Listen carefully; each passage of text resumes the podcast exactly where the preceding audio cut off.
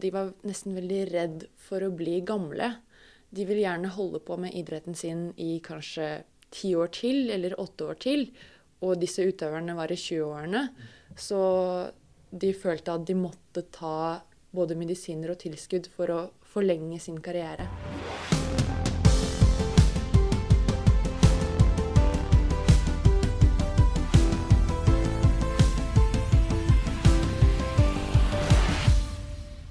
Hvilke holdninger har egentlig norske og russiske utøvere til kosttilskudd og medisinbruk?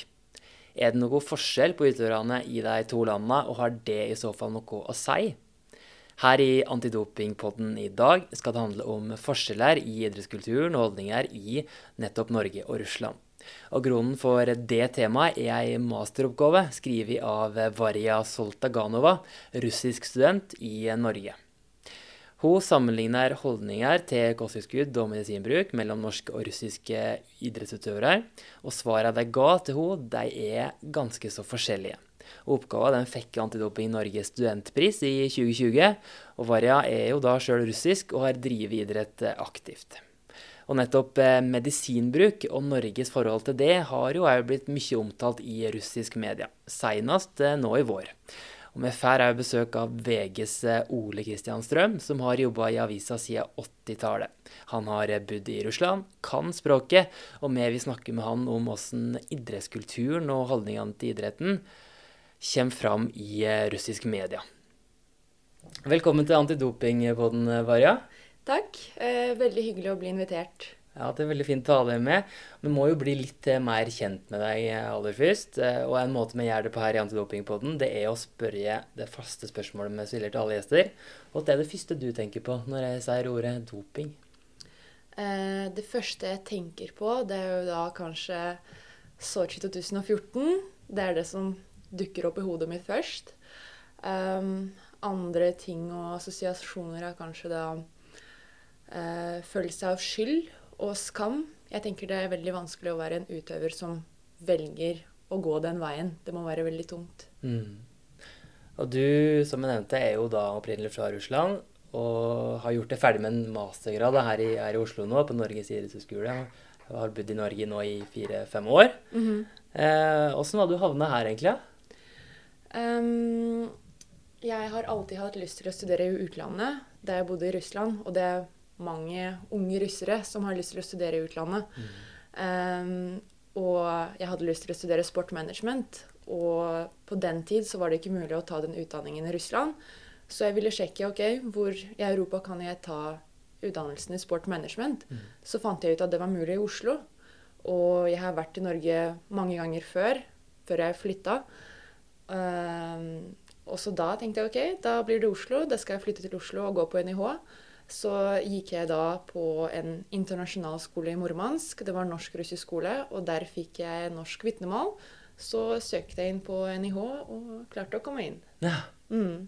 Så nå har du gjort det ferdig med den mastergraden, og nå har du fått jobb i, et eh, særforbund. Så, så, det er ingen tvil om at du har et, et sterkt forhold til idrett? Eh, ja, det har jeg. Jeg har drevet med idrett i nesten hele mitt liv. Eh, selv om jeg ikke er norsk, så kan jeg også si at jeg ble født med ski på beina. Jeg gikk eh, mye på ski da jeg var liten. Eh, og drev med kunstløp eh, fra jeg var tre-fire år til jeg ble 13. Så var det en eh, bratt overgang til skiskyting. Eh, og jeg slutta da da jeg var 19 år, da jeg flyttet til Norge for å studere. Hvilket forhold hadde du til idretten og til, til norsk idrett eh, da du bodde i Russland? da? jeg har ikke tenkt så veldig mye på norsk idrett. Men eh, da jeg drev med skiskyting, så var jeg jo kjempeglad i norske utøverne som var store på den tid. Altså, jeg var jo big fan eh, både av eh, Emil Hegle Svendsen og Terje Bø og Tora Berger og hele den gjengen. Og jeg hadde til og med norsk konkurransedrakt, en sånn rød en, som var da brukt på den tiden av det norske landslaget. Jeg har det faktisk fortsatt liggende i boden. Mm. Men ja, så jeg var eh, big fan. og har også vært på konkurranser i Norge, i Tromsø, et par ganger.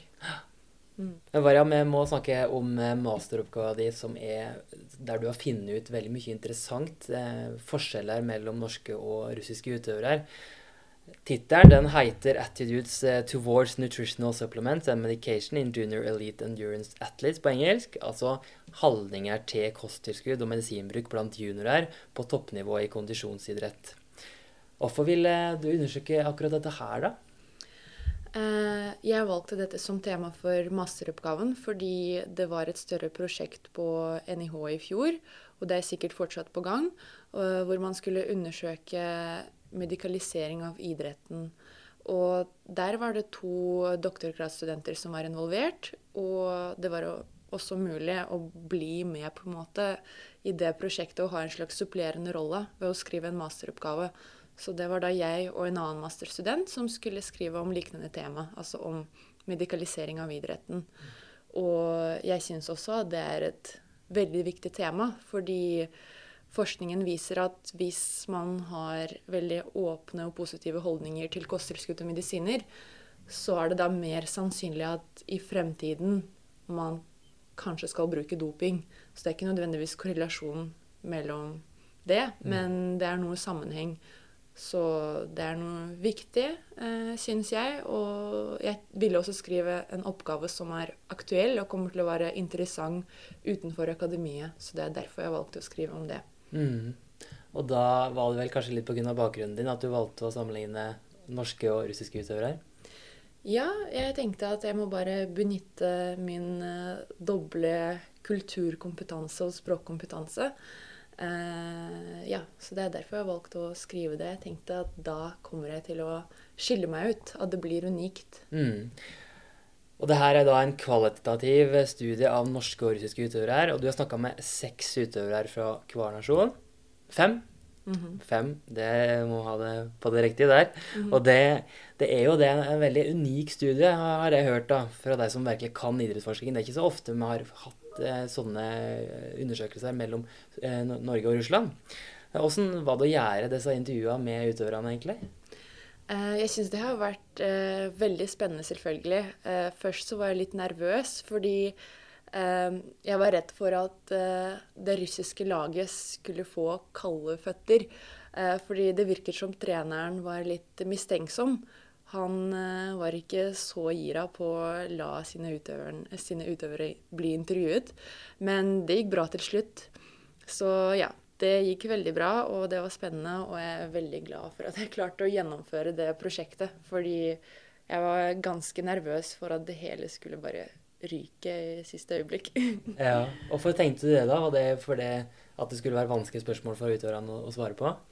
Nei, jeg tenkte at uh, det var fordi Russland hadde så mye negativ oppmerksomhet i det siste når det gjelder doping.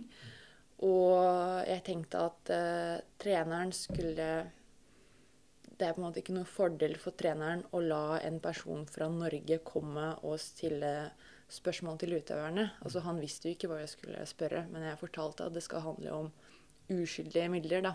Mm. Ja, Hva var det du spurte utøverne spesifikt om? Eh, jeg startet opp eh, ganske bredt for å eh, bryte isen. Er det man sier? Bryte isen. For å bryte isen. Og stilte da spørsmål om motivasjon for å drive med idrett. Og eh, snakket litt om kosthold for å sakte, men sikkert komme til temaet av kosttilskudd. Og så etter å ha snakket litt om kosttilskudd, kan vi stille spørsmål om medisiner. Og hvis samtalen flyter bra, da kan jeg gå over på doping. Mm. Hvordan eh, reagerte deg på, på disse spørsmåla?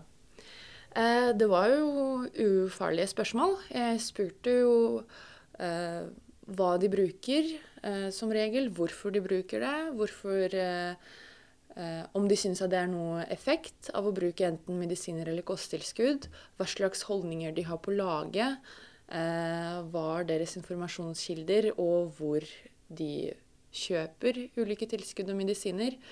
Og etter hvert spurte jeg da også om deres oppfatning av uh, miljøet. Altså både med tanke på bruk av lovlige og ulovlige midler. Mm.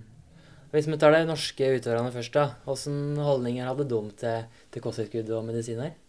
Uh, de var veldig, veldig skeptiske. det var nesten kjedelig å intervjue det norske laget, fordi de svarte jo riktig, i Mm. gåsetegn. Mm. Eh, men de var ekstremt godt skolert på alt som gjelder både kosttilskudd og medisiner. De var veldig forsiktige. Eh, så for det første, de brukte jo nesten ingenting. De sa de bruker Tran av og til, eller de tar vitamin D eller vitamin C, men ellers ikke noe mer. Eh, de bruker sportsernæring mm, veldig ofte, som f.eks. isotonikk eller hva heter det, sportsdrikk, eller bars etter trening og lignende ting.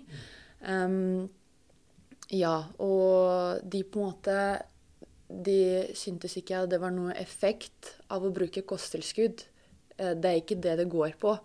Og de trodde heller ikke på at man kan få til bedre prestasjoner av å ta medisiner som man ikke trenger. Altså å ta medisiner når man ikke er syk. Ja. Skjønte du hvorfor de var så skeptiske? Var det en grunn Var det opplæring de hadde? Var det en grunn til det? Eh, De var så skeptiske fordi de var veldig godt skolert på kosttilskudd, og mange refererte til sunn idrett. De tok kurs med sunn idrett og fikk da informasjon om at eh, kosttilskudd er ikke effektive for det meste. Eh, og legen hadde også en veldig viktig rolle. Det var veldig høy terskel både for å anbefale at utøverne skulle ta kosttilskudd. Så hvis man f.eks. oppdager at det er noen mangler i blodprøve, eh, så det første man prøver å gjøre, det er å endre på kostholdet. Og hvis det ikke hjelper, da kan man gå over på kosttilskudd. Det var også veldig høy terskel med bruk av medisiner. Mm. så hvis man er syk, så først håper man at det går over av seg selv. Men hvis ikke det gjør det, da kan man få noe resept av legen. Mm. Mm. Men hvis vi går over til de russiske utøverne du intervjua, hvilke holdninger fant du da? Eh, det var nesten det motsatte av det jeg hørte fra det norske laget. Og det er da oppgaven og forskningen ble veldig interessant for min del. Eh, fordi da jeg først intervjuet det norske laget, så tenkte jeg ok, dette her er superkjedelig. Her er det ikke noe å grave. De kan jo alt. Eh, men så hadde jeg noen samtaler med de russiske utøverne. Og de sa jo at de bruker eh, veldig mye. Altså masse ulike tilskudd som jeg har aldri hørt om før. Eh, det er jo selvfølgelig ikke noe som er forbudt eh, under WADA-koden. Men de bruker jo masse ulike ting. Og de har veldig stor tro på at det har noe effekt, og det må man bare gjøre som en idrettsutøver. De føler at det er en nødvendig del av å være en topputøver. Eh, ja. At du, det å være toppidrettsutøver er så brutalt at du er nødt til å bruke ting for å, for å fungere? Eh, ja, det er nesten alle som sa det. Eh, de sa at OK, jeg trener eh, to eller flere ganger om dagen. Jeg konkurrerer så ofte, det er veldig stor belastning på kroppen. Jeg klarer ikke å spise nok eh, mat for å få i meg nok vitaminer og næringsmidler osv. Eh, derfor er jeg nødt til å ta kosttilskudd. Eh, et annet tema som jeg syns var eh, veldig interessant, og som ikke kommer frem i tidligere forskning, det er at de var nesten veldig redd for å bli gamle. De vil gjerne holde på med idretten sin i kanskje ti år til, eller åtte år til. Og disse utøverne var i 20-årene. Og de sa OK, jeg kan kanskje konkurrere nå fordi jeg er så ung, men når jeg blir eldre, så blir jeg mer og mer avhengig av å støtte kroppen min med ulike tilskudd. Så de følte at de måtte ta både medisiner og tilskudd for å forlenge sin karriere. Og ettersom jeg skjønte, så har, hadde trenerne og lederne i Russland en ganske, litt annen rolle enn det hadde i Norge. Uh, ja, det er riktig. Uh, det er viktig å si at eh, trenerne, både på det norske og på det russiske laget, de var ganske nøytrale. Så trenerrollen spiller ikke så mye her når det gjelder holdninger til ulike stoffer. Mens eh, det var legen som var nøkkelpersonen. Eh, det er legen som skapte holdninger på laget, og den russiske legen oppfordret utøverne til å ta eh, både medisiner og kosttilskudd. Det var en slags tanke bak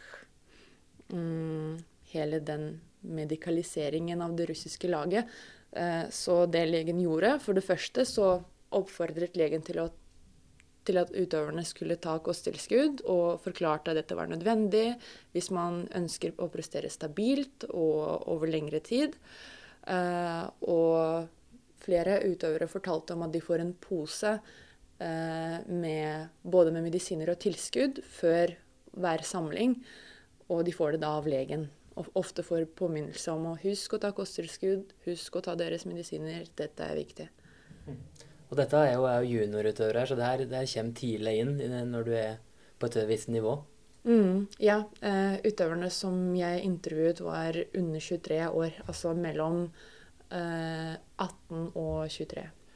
Vi må ta med oss eh, Ole Kristian Strøm òg, da. Som jeg, som jeg, sa i innledninga, så er jo Russland og idrett et ekspertfelt for deg. Hva tenker du om, om det Varja forteller at hun har funnet i, i oppgaven sin? Ja, det er veldig interessant. Jeg syns det, det, stemmer veldig bra med hva jeg har opplevd og hva jeg har sett. Så, um, og det er veldig spennende at, at hun har fått faktisk utøverne til å stille opp og til å svare ærlig. Og det, det er bekreftelse på det jeg egentlig har trodd, men som ikke har vært noen vitenskapelig bevis for. Ja, det er ganske unikt, akkurat det at du har stilt opp, faktisk. Ja, som, men som Varja sier, så var de jo tydeligvis da litt skeptiske til å stille opp i starten. Eller treneren var skeptisk, og det Det er vel Lederne bestemmer nok mer, tror jeg, i russisk toppidrett enn de gjør i norsk. Varja, selv om dette var jo ikke en oppgave om, om, doping, eh, det handla jo om kosttilskudd og medisinbruk, det må vi jo understreke. Men eh, som du sa tidligere, så kom de jo inn på doping etter hvert, kanskje, eh, med noen av utøverne. Åssen eh, var det, og, og, og tenkte utøverne om doping? Var trygge på at idretten var rein? Åssen tenkte de om, om, sin egen idrett? Eh, de tenkte ja, at idretten var ren. Eh, I hvert fall internasjonalt, og nasjonalt også, og på juniornivå. Eh, de var overbevist over, om at ingen juniorutøvere doper seg eh, både norske og russiske utøvere sa at det er ikke vits å dope seg som junior, fordi når du begynner å bruke doping, så blir du kanskje Kroppen din blir på en måte utbrent eller utslitt ganske fort, og du har jo lyst til å konkurrere og prestere på lang sikt. At det er på en måte dumt å begynne med det så tidlig. Altså det er ikke som de skulle begynne med det senere. Men de mente at de syntes ikke det var så veldig spredt på juniornivå. Eh, Norske utøvere hadde jo tro på at eh, idretten var veldig ren, både nasjonalt og internasjonalt. Eh, russiske utøvere de mistenkte at det kan være noe muffins nasjonalt på seniornivå. Uh, spesielt på uttakskonkurranser. Fordi det er ofte det er mesterskap i Russland, hvor folk konkurrerer om å bli tatt ut videre på internasjonale konkurranser. Og det er flere som fortalte enten rykter eller historier om at de mistenker at det er noen regioner, altså utøvere kommer fra ulike regioner i Russland, at det er noen regioner som er mer skitne enn andre. Mm. Og Vi vet jo at eh, kosttilskudd, forurensa kosttilskudd kan jo eller medisin en ikke skulle ha brukt. Det, det, er jo opphav til mange dopingsaker òg eh, i Norge. Eh, og det er jo kanskje norske utøvere er ganske bevisst på. Hvordan eh, merka du på forskjellene med, det med tanke på utilsikta doping? Både norske og russiske utøvere var veldig flinke til å sjekke medisiner. Så hvis de får et medisin av legen, så går de inn på nettet og sjekker om det er trygt eller ikke. Men det som var veldig annerledes, og også igjen veldig interessant, det var at eh, alle norske utøvere sa at de er ganske redd for å kjøpe kosttilskudd i utlandet f.eks., eller som generelt ta kosttilskudd, fordi de var veldig klare over den risikoen at man kan plutselig få i seg noe uten å vite om det, og som resulterer i en positiv prøve. Mens på den russiske siden, som sagt, de var jo veldig åpne til å prøve nye ting. Og de kjøpte kosttilskudd fra alle mulige kilder. Altså de elsket å handle i utlandet. Så f.eks. en norsk utøver ville sagt å nei, jeg tør ikke å kjøpe vitamin C i Sverige engang. fordi guden vet hva som er uh, oppi disse tablettene. Mens russiske utøvere sier nei, vi drar på samling til Europa, og der kan man kjøpe vitamin C på uh, matbutikk. Og det er jo kjempebra, og det er bedre kvalitet. Mange bestiller tilskudd fra Japan eller fra USA, og de vil helst ikke handle i Russland fordi de ikke stoler på kvaliteten av kosttilskudd i Russland. Så de var ikke klare over den risikoen i det hele tatt. Nå har vi vært innom en del av resultatene dine som du samla inn. da, Men hvilken konklusjon gjorde du til slutt i oppgaven din om, om, forskjellene mellom norske og russiske utøvere? Uh, utdanning, utdanning, utdanning. det er nok uh, det viktigste for å skape gode og sunne holdninger. Og det er da både utdanning av utøvere og trenere og støtteapparatet. Eh, en annen ting var jo selvfølgelig rollen av legen. Tidligere forskning viser at treneren har en betydelig rolle når det gjelder holdninger på laget. Men jeg oppdaget at trenerrollen var ikke så viktig. At det er legen som bestemmer. andre ting Ja, oppfatning eller oppfattelse av miljøet er også veldig viktig. Så normene på laget, men også normene i miljøet generelt. Hvis man er sikker på at alle tar kosttilskudd eller alle tar medisiner, da er det lettere å gjøre det selv òg. Vi skal snakke mer med deg etterpå om du tror det er mulig å gjøre noe med denne, disse holdningene og endre en kultur. Eh, men vi må ha med Ole Kristian Strøm litt mer i eh, nå. Du har jo da vært korrespondent i, i Russland og jobba veldig mye med Russland, både med sport og, og med nyheter. Eh, først må du nesten fortelle litt om, om forholdet ditt til, til Russland. Eh, ja, jeg har reist ganske mye til og fra Russland i, sånn 25 år ca. Jeg studerte på det som heter Statsuniversitetet i Moskva. Og eh, så har jeg vært veldig mye på reportasjer for VG i, i, årene etter det. Mm. Og du snakker altså da russisk flytende, så du og Varja kunne jo hatt dette, denne samtalen på russisk, men det er jeg glad ikke vi skal gjøre. Men du, vi må dykke litt inn i og, og lære litt om hvordan russiske medier egentlig fungerer. Du følger jo det tett, Ole Kristian. Vi kan jo først snakke litt om hvordan de omtaler eh, doping. Etter det jeg har skjønt, så, så blir ikke de russiske utøverne som har blitt tatt for doping, fordømt i, i noe stor grad i, i media? Eh, det er jeg helt enig i. Eh, når det framstilles i russiske media så er det mer problemet at de blir tatt. Eh, det er det som fremstilles som problemet. Og problem, altså hvorfor ble de tatt, er liksom problemet. Ikke at de faktisk dopa seg, eller Altså både den helse, Verken den helsemessige delen av det eller resultatdelen er liksom så viktig, men derimot hva var det som gjorde at de faktisk ble tatt? Det er det som er eh, størst oppmerksomhet om. Men åssen eh, blir liksom da disse dopingsakene omtalt i, i media? Altså, Dopingsakene blir jo mye omtalt, men de blir omtalt på en ganske annen måte, vil jeg si, enn i f.eks. Norge, ved at um, ved at hva, hva, skal jeg si for noe? Ved at det er altså Det kommer bare en informasjon om at de faktisk er tatt, og at de eh, hvilken straff det blir, og den slags. Men ingen, ingen mer boring i faktisk hva som er bakgrunnen for, for, det som har skjedd. Det blir ikke satt av ressurser til å undersøke det, disse sakene eller det som skjedde i Sotsji, nærmere? Nei. Er, jeg har faktisk, så vidt jeg kan huske, så har jeg ikke lest en eneste russisk eh, media som faktisk har granska det som skjedde før Sotsji og under Sotsji. Det, altså, det ville jo vært en ganske selvfølge for ethvert norsk medium at vi hadde satt i gang en skikkelig granskning av, av hvordan det kunne skje. Eh, og faktisk selvfølgelig stilt spørsmål, stilt folk til ansvar og den type ting. Eh, og det har jo overhodet ikke skjedd. Eh, det er absolutt en, eh, konstatering og en innrømmelse, føler jeg, av det som har kommet fram om, om, om det som Ratsjenkov har, har, fortalt om det som skjedde før og under OL. Men eh, det har ikke vært noen granskning. F.eks. så sier jo Ratsjenkov at det her gikk jo helt opp til eh, sportsministeren, ikke sant? Og, og, at alle visste om det. Eh, den type ting har jo De har jo aldri blitt eh, stilt spørsmål eh, ved det. Og, og daværende sportsminister er jo i dag enda høyere i systemet i, i regjeringa.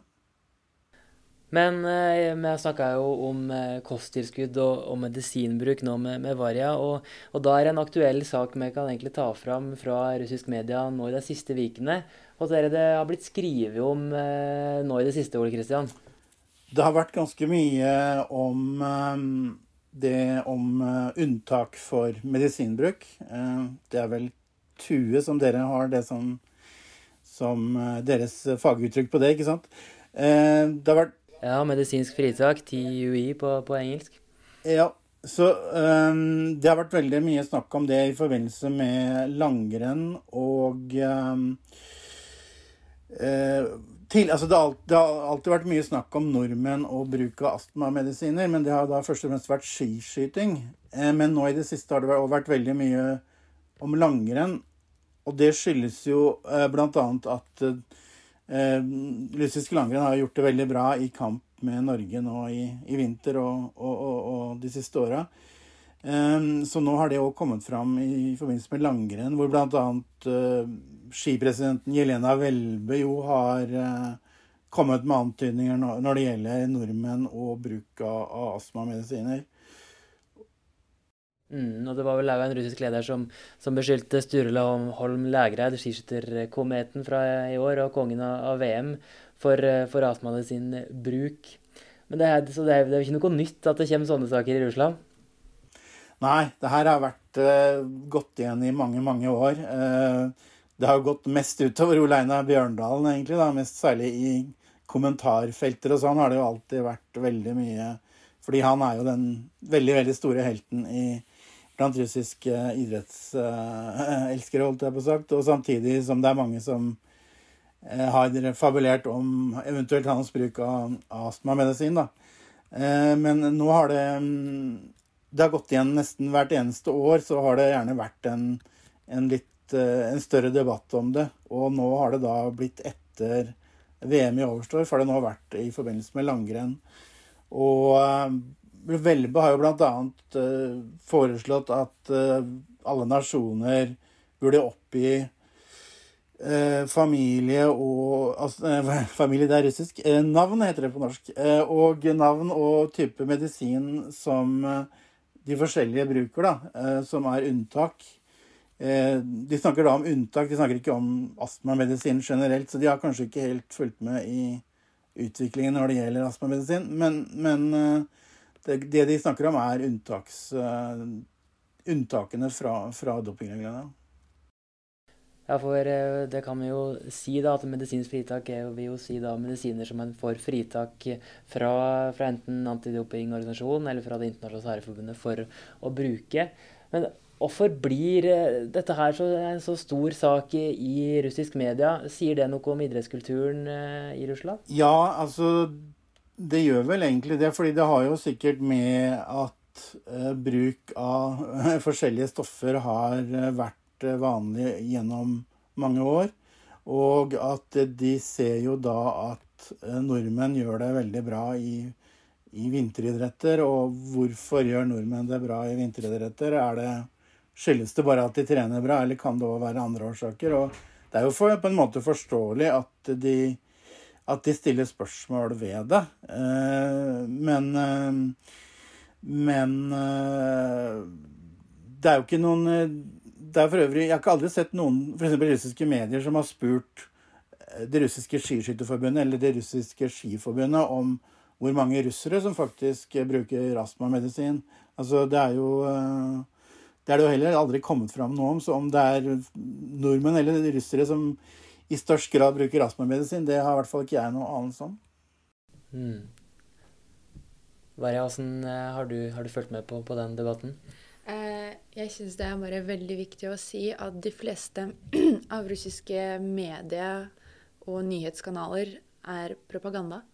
Eh, det er veldig, veldig få uavhengige um, enten nettsider med nyheter eller programmer som er uavhengige. De blir jo ofte bare blokkert. Og veldig mye Altså alt man ser og hører på TV, er propaganda. Så de skal jo selvfølgelig aldri innrømme at russiske utøvere faktisk blir tatt for doping. Og jeg tenker det er litt naturlig at uh, uh, russere stiller spørsmål til norske utøvere, fordi russere blir jo hele tiden anklaget for doping. Og jeg sier ikke at dette her er uten grunn, men man sier ja, men se på nordmenn, de bruker jo astmamedisin. Hvorfor er det bare vi som har skylda? At, uh, ja, at uh, det må også være litt oppmerksomhet rettet på andre nasjoner. Det er det man mener. Mm. Eh, Ole Kristian, det blir jo kanskje litt vanskelig å si hos det er som, som kommer først, da, men tror du måten media omtaler doping på Russland, har påvirka idrettskulturen der opp igjennom? Med den måten de omtaler sakene på? Ehm, ja, det spørs jo hva som kommer først her. Om det er i det som skjer i idretten, eller måten media omtaler det på, da. Men øh, det blir jo jeg vil, jo jeg vil, jo si at det påvirker det at det aldri blir stilt øh, virkelig alvorlige spørsmål rundt det med doping i Russland. Og selv ikke etter det som har skjedd øh, i forbindelse med Sotsji og, og McLaren-rapport og, og, dommen eh, med utestengning og alt sammen. Um, så det er jo interessant. Du ser jo hva um, norske Rune Andersen han har, Hvordan han har jobba veldig målbevisst og kanskje er den første utlending som har tatt det her på alvor, føler jeg, da. At, som virkelig har gått det her i sømmene, og som som virkelig har krevd svar. Eh, svar som jo russiske media burde ha, ha krevd mye tidligere. Men som, som Varja sier, så er det jo, er det jo de, Mediene er jo stort sett kontrollerte, og dermed så er det jo vanskelig for dem å, å gjøre det. De, det, er, det, er, ingen kultur for å sette ledere til ansvar, uansett om det handler om sport eller om andre ting. Men har du merka noe, noe, endring når du, du sa du har, vært Theo fra Russland i 25 år. Har du merka noen endringer i, i, kulturen opp igjennom? Eh, ja, altså Det er jo Hvis vi snakker om 90-tallet, så var jo det Boris Jeltsin, og det var jo en helt annen eh, Det var jo en veldig spesiell tid med åpenhet og den slags. Og det gjaldt jo selvfølgelig alle mulige alle mulige former, deler av samfunnet. Eh, og det kan sies både mye negativt og mye positivt om Boris Jeltsins tid, men det ble jo veldig annerledes da, da, da Putin overtok, som var en gammel KGB-er, og som uh, innførte de gamle systemer. og uh, Det kan sies både positive og negative, negative ting om det han også, har gjort òg, for all del. Men det gjorde jo at det er blitt I hvert fall i idretten tror jeg er blitt mer tilbake til sovjettida. Ehm, at den er blitt mer lukka. At det er mer eh, de, russisk, de, sovjetiske systemene for hvordan idretten blir organisert. Den er jo veldig toppstyrt, russisk idrett. Hvor det, eh, sportsministeriet, sportskomiteen som det heter, sitter og bestemmer det aller meste. Som, de bestemmer f.eks. hvem som skal være landslagstrener i skiskyting eller, eller langrenn. Det bestemmer jo faktisk ikke skiskyting og langrenn, men men eh, sportsministeriet. Eh, så det er jo en veldig eh, toppstyrt modell, og det er jo kanskje det som gjorde at det var mulig å gjøre det som skjedde fram til OL i Sotsji òg. Hvordan har det da vært å, å intervjue russiske utøvere og, og trenere her om doping og mistanke opp igjennom det? Eh, ja, nei, det har, altså, de reagerer vel som andre utøvere på, på det, de spørsmålene. Men det som har vært litt uh, spesielt, har jo vært å intervjue de som jo helt klart har blitt avslørt, og intervjue de i etterkant, sånn som f.eks. Jegorova, som ble avslørt i VM i Trondheim i 1997. Jeg husker jeg traff henne mange, mange år seinere. Hun er jo nå politiker i, St. Petersburg. Eh, og hvor vanskelig det var for henne å få henne til å innrømme noe da veldig, veldig mange år etter, hvor det egentlig ikke hadde noen betydning for henne. Med, men så, jo, hennes eksempel er jo litt typisk i og for seg òg. Det at det er jo Det har ikke noe å si for din framtid at du blir tatt i doping. Du kan få både toppstillinger både innen politikken og, og idretten og andre steder, sjøl om du har faktisk eh, blitt avslørt der. Nå har vi jo hørt eh, mye om hvordan doping blir eh, omtala i, i, russisk media. Men hvordan blir det tatt imot av det russiske publikummet, Varja? Jeg syns det er veldig viktig å si at det er ikke alle som tror på det som blir sagt på TV, eller det man hører på radio.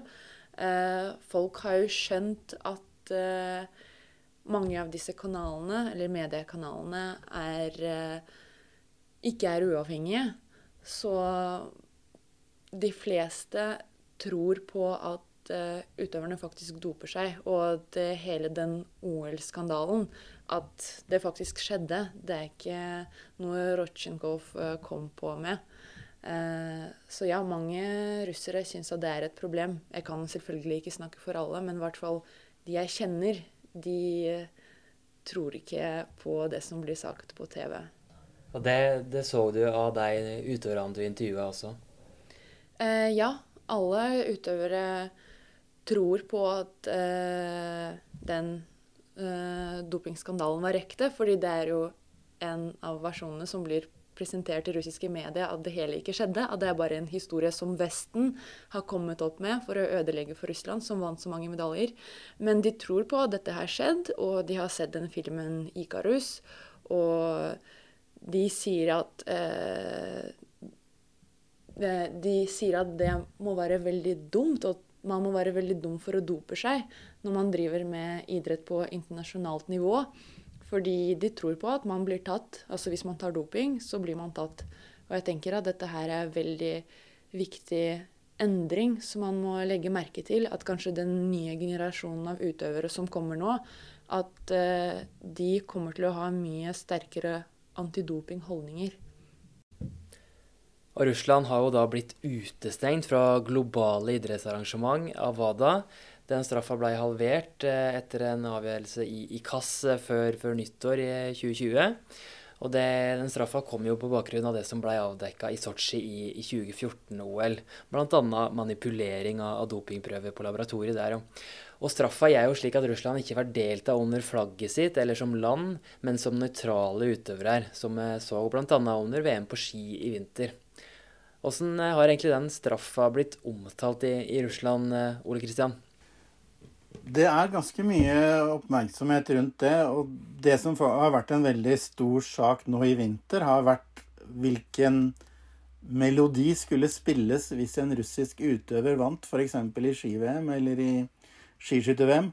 Eh, der var det jo klart at de ikke skulle få bruke nasjonalsangen, og da har det vært en veldig debatt om hvilke sanger som, som passer. Og da har det bl.a. vært en veldig patriotisk sang fra, fra, det som vi kaller den andre verdenskrig, som har vært eh, foreslått. Og, men det siste jeg hørte nå, var vel at Tsjajkovskij var det siste som eh, var foreslått nå. Så, så, det har vært en stor sak. Og så er det selvfølgelig det med bruk av flagget òg, at de ikke får lov å bruke flagget.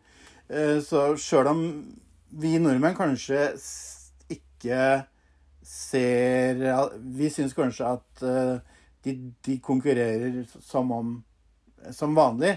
Så, så, er det en ganske bevissthet i Russland rundt det at de ikke får lov å bruke flagg og nasjonalsang. Ja, det, det med at det er en kollektiv avstraffelse, at det, går, det handler mye om urettferdigheten i det? Det er det jo en god del som har snakka om det, f.eks. noen av, av, av langrennsløperne. Og sånn som Ostjugov er jo Sergej Ostjugov, som vi har bursdag i dag. Han, øh, han, øh, han syns jo det er veldig urettferdig at, øh, at, at det er sånn. Og, men nå begynner det å bli sånn at de, mange av de som var med i OL i 2014, har jo nå lagt opp, så nå er det jo ikke det problemet der i så stor grad. Men, men det med kollektiv avstraffelse er selvfølgelig et et poeng som, eh, som jeg skjønner at eh, debatteres.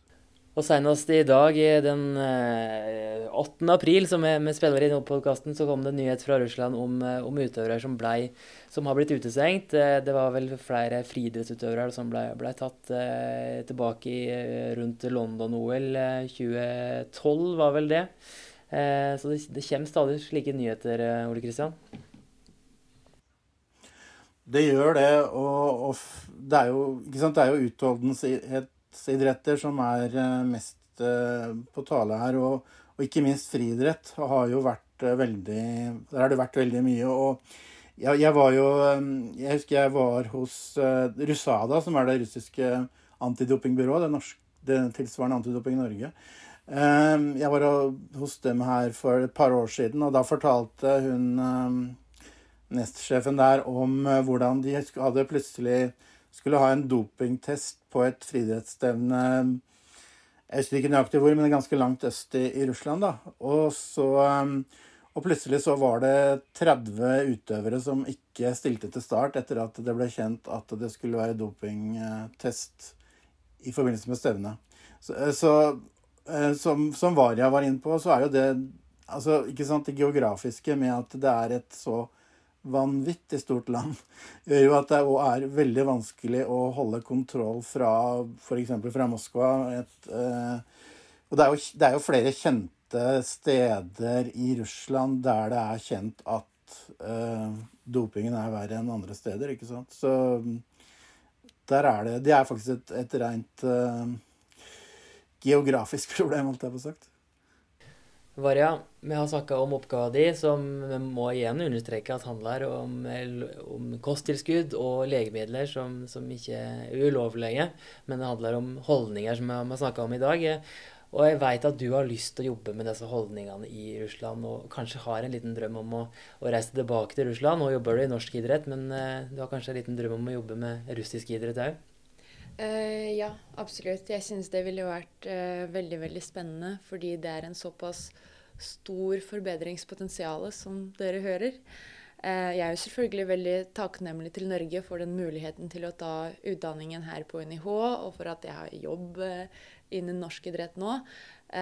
men som sagt, jeg syns det ville vært kjempegøy å jobbe i Russland for å endre det systemet til det bedre. Og jobbe da kanskje både med trenerutdanningen og også med disse holdningene. Det som er kanskje viktigst, det er at man må endre den tankegangen. At man skal få bedre prestasjoner av å bruke diverse midler. Det er det som skal bort først for å bygge opp en ren idrettskultur, tenker jeg. Tror du det er mulig å, å endre holdninger i russisk idrett?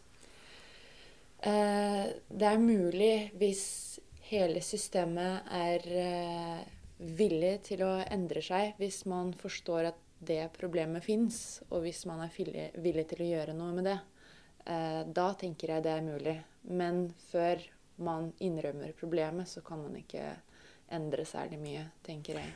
Jeg er veldig enig med alt Varja sier der. Jeg tror det handler veldig mye om at en til nå ikke har vært villig til å innrømme dopingen og innrømme at det er et problem. Innrømme at det er både et helseproblem og et uh, jukseproblem. Uh, så jeg tror hennes uh, konklusjon rundt det er veldig, veldig riktig. Og om det er mulig å forandre det? Ja, det, det tror jeg jo faktisk. Og som sagt, for å komme tilbake til Rune Andersen, jeg tror den jobben han gjør der nå, kan kan faktisk eh, bety utrolig mye for russisk friidrett.